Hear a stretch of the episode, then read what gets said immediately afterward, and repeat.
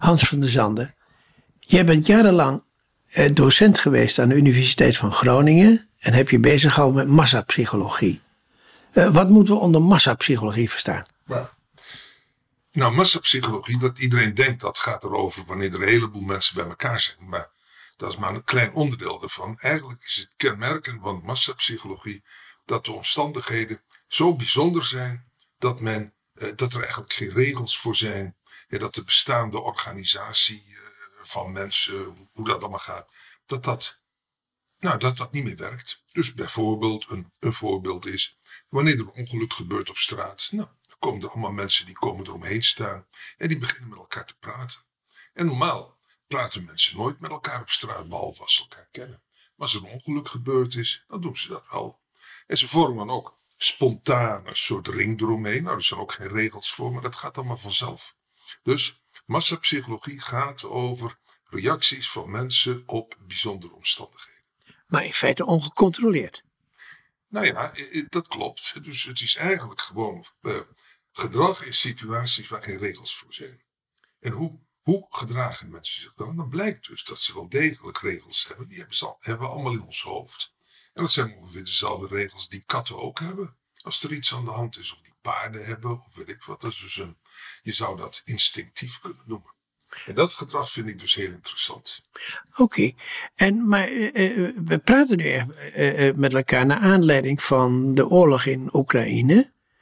En daar, daar kom je dus iedere keer weer tegen dat, dat een journalist bijvoorbeeld aan iemand vraagt van, nou ja, hoe was dat nou om 30 of 40 dagen in angst te leven?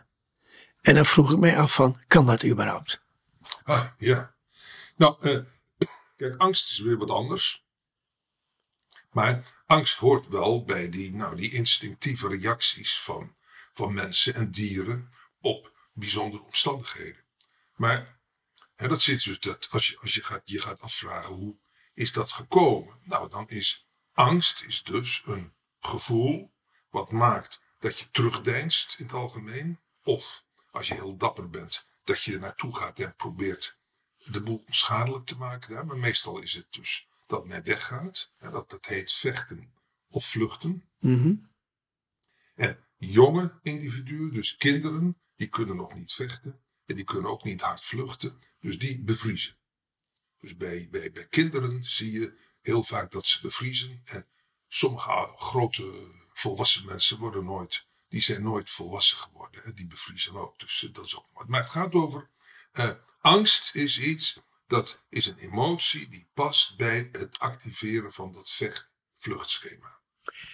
En, ja? Oh ja? Nou, en dus dieren die dat goed deden en die daar goed op reageerden, nou, die hadden een grotere kans om uh, te overleven.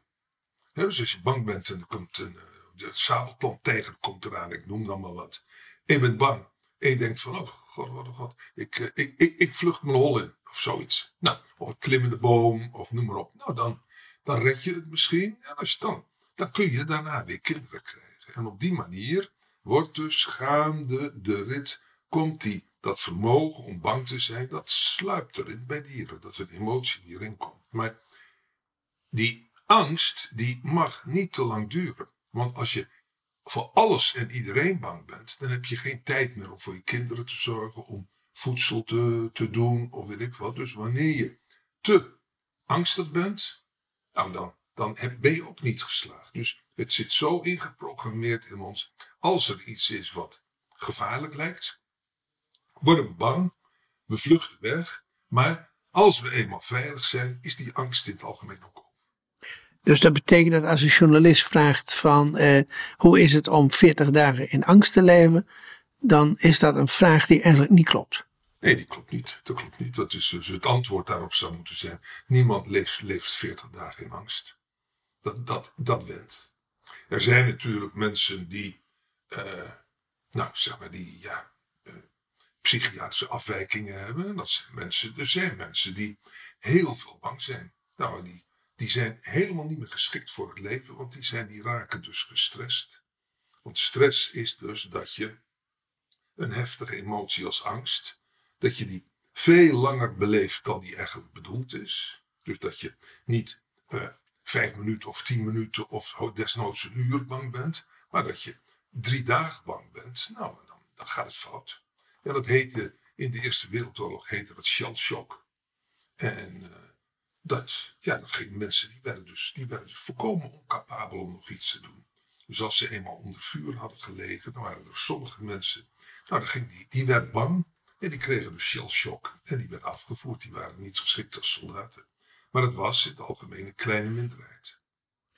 Ja, ik, ik, ik heb wel eens het idee dat het namelijk een, een uh, uh, uh, die angst, die kan misschien maximaal drie, vier uur duren. En, en ik denk. Veel, dat is al veel. Dat is al veel, oké. En ik denk wel eens dat. dus als je iemand. want na die angst kom je in een, in een fase waarin je ermee leeft. Ja, in die situatie. En als je namelijk een, bijvoorbeeld een gijzeling wilt beëindigen, dan zou je dat eigenlijk pas na een halve dag of een dag moeten doen. Want dan ga je mensen bevrijden op het moment dat ze in een andere fase zitten en niet in die angst. En ook, en ook misschien een betere herinnering aan die gijzeling hebben dan dat ze in die angst worden bevrijd. Ja, nou ja, dat van die betere herinnering, dat wat je, wat je nou vertelt, dat is, dat is uh, een. Uh, is één ding, dat is een soort psychologiseren, is dat. Maar uh, je zou dus wel kunnen zeggen, als je mensen gaat proberen te bevrijden terwijl ze nog doodsbenauwd zijn, ja, dan reageren ze onvoorspelbaar.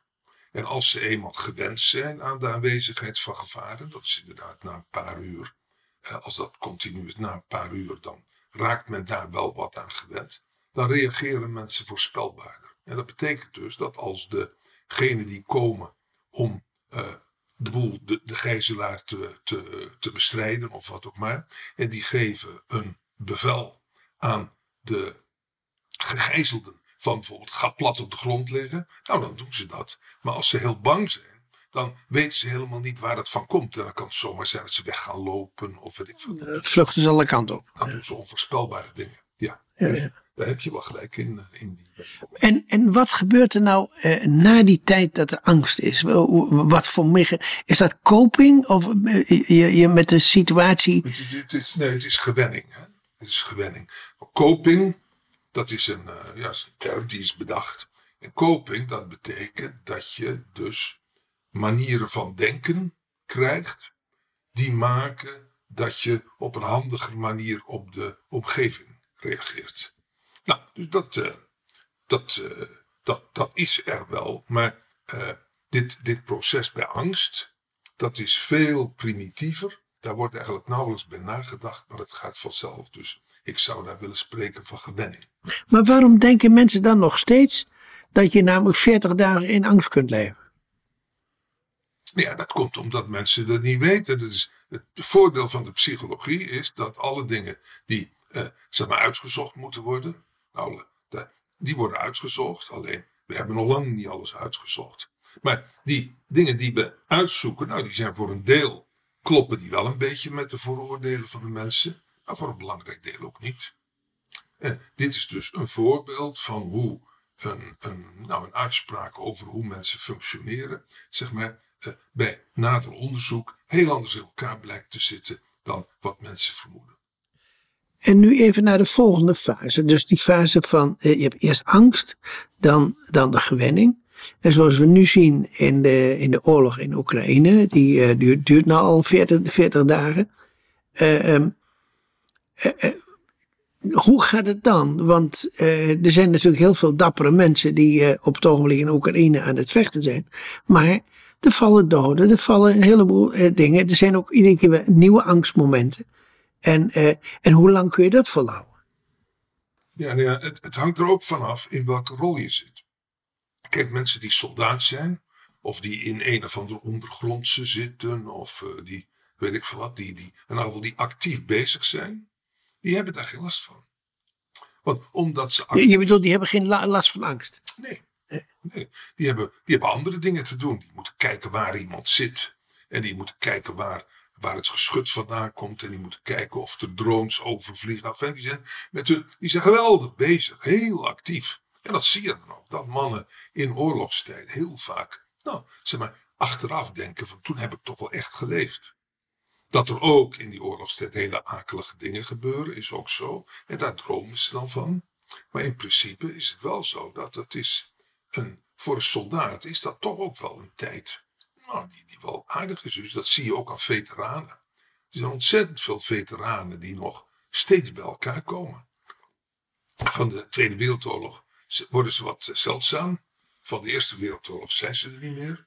maar van de Korea-oorlog of van allerlei andere oorlogen worden er continu worden er uh, reunies gehouden. En, en, dan vieren ze in feite hun, hun broederschap. Ja, ze hun broederschap, dat klopt. Ja, want oorlog is typisch een mannending.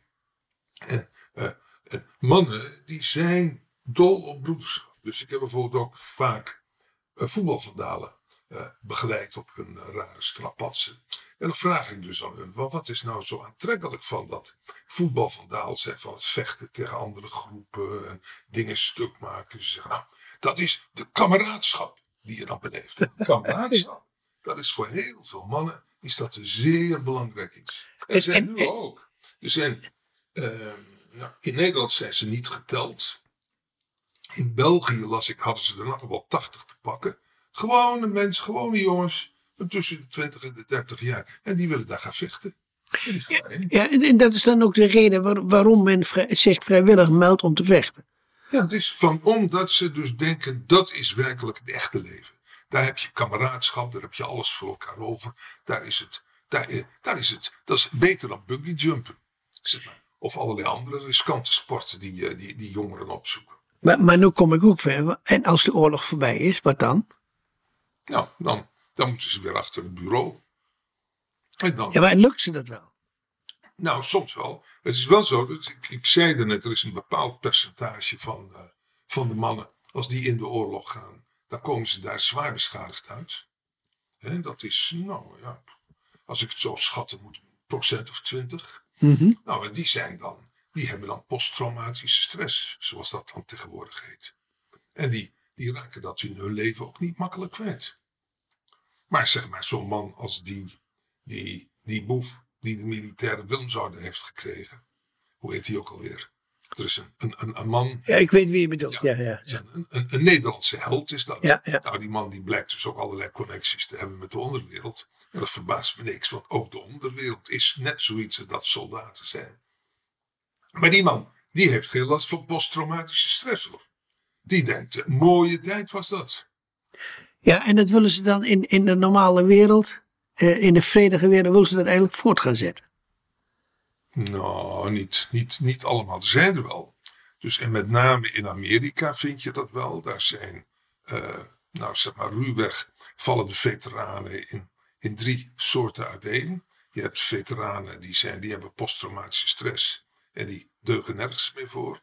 Je hebt veteranen, het grootste deel is dat, dus 50, 60 procent. Nou, die gaan gewoon die gaan gewoon weer door met het leven en die denken daar nog wel aan. En die hebben reunies en daar is niet veel meer aan de hand. En dan zijn er ook nog wel mensen en die zijn niet beschadigd, maar die zijn op een of andere manier zijn die hun, hun kompas kwijt. En die weten niet meer wat wel kan en wat niet kan. En die gaan dan bijvoorbeeld in, in vredestijd toch op anderen schieten.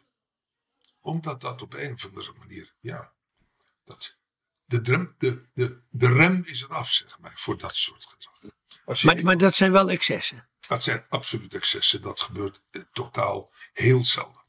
Maar als je uh, uit psychologisch uh, oogpunt nou eens gaat kijken naar uh, hoe dat nou, die strijd gebeurt nu in, in, in Oekraïne.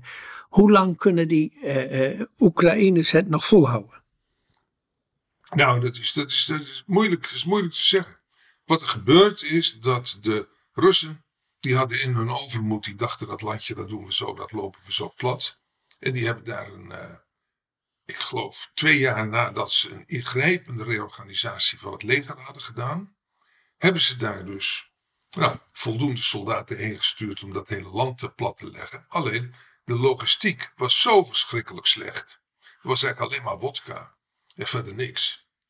En er was niet genoeg brandstof, er was niet genoeg eten. En het was één grote puinhoop. En dat er die hele grote puinhoop is, nou ja, dat betekent dus dan, dan, uh, dan krijgt dus een, de bewoners van het land, die krijgen dan plotseling ineens een snelcursus oorlogvoering. En daar hebben, ze, daar hebben die Oekraïners heel goed op gereageerd. Dus die hebben nu eigenlijk een veel betere en wel ook veel gemotiveerder leger dan die Russen hebben. Dus nou, met meer gemotiveerd en een betere tactiek. Ja, ook, ook een betere tactiek. Want het is uh, verdedigen is in, de oor, in oorlogstijd, dat kost maar een derde van het aantal mensen, geloof ik, is ooit eens uitgerekend. Ja, precies. Uh, van, van een aanval. Dus aanval is veel moeilijker en veel lastiger. Omdat nou ja, je op het terrein van de ander bent. Nou ja, het wordt in ieder geval, als we vanuit psychologische oogpunt bekijken, wordt het in ieder geval nog heel erg interessant. Absoluut. Mag ik je hartelijk danken voor dit interview.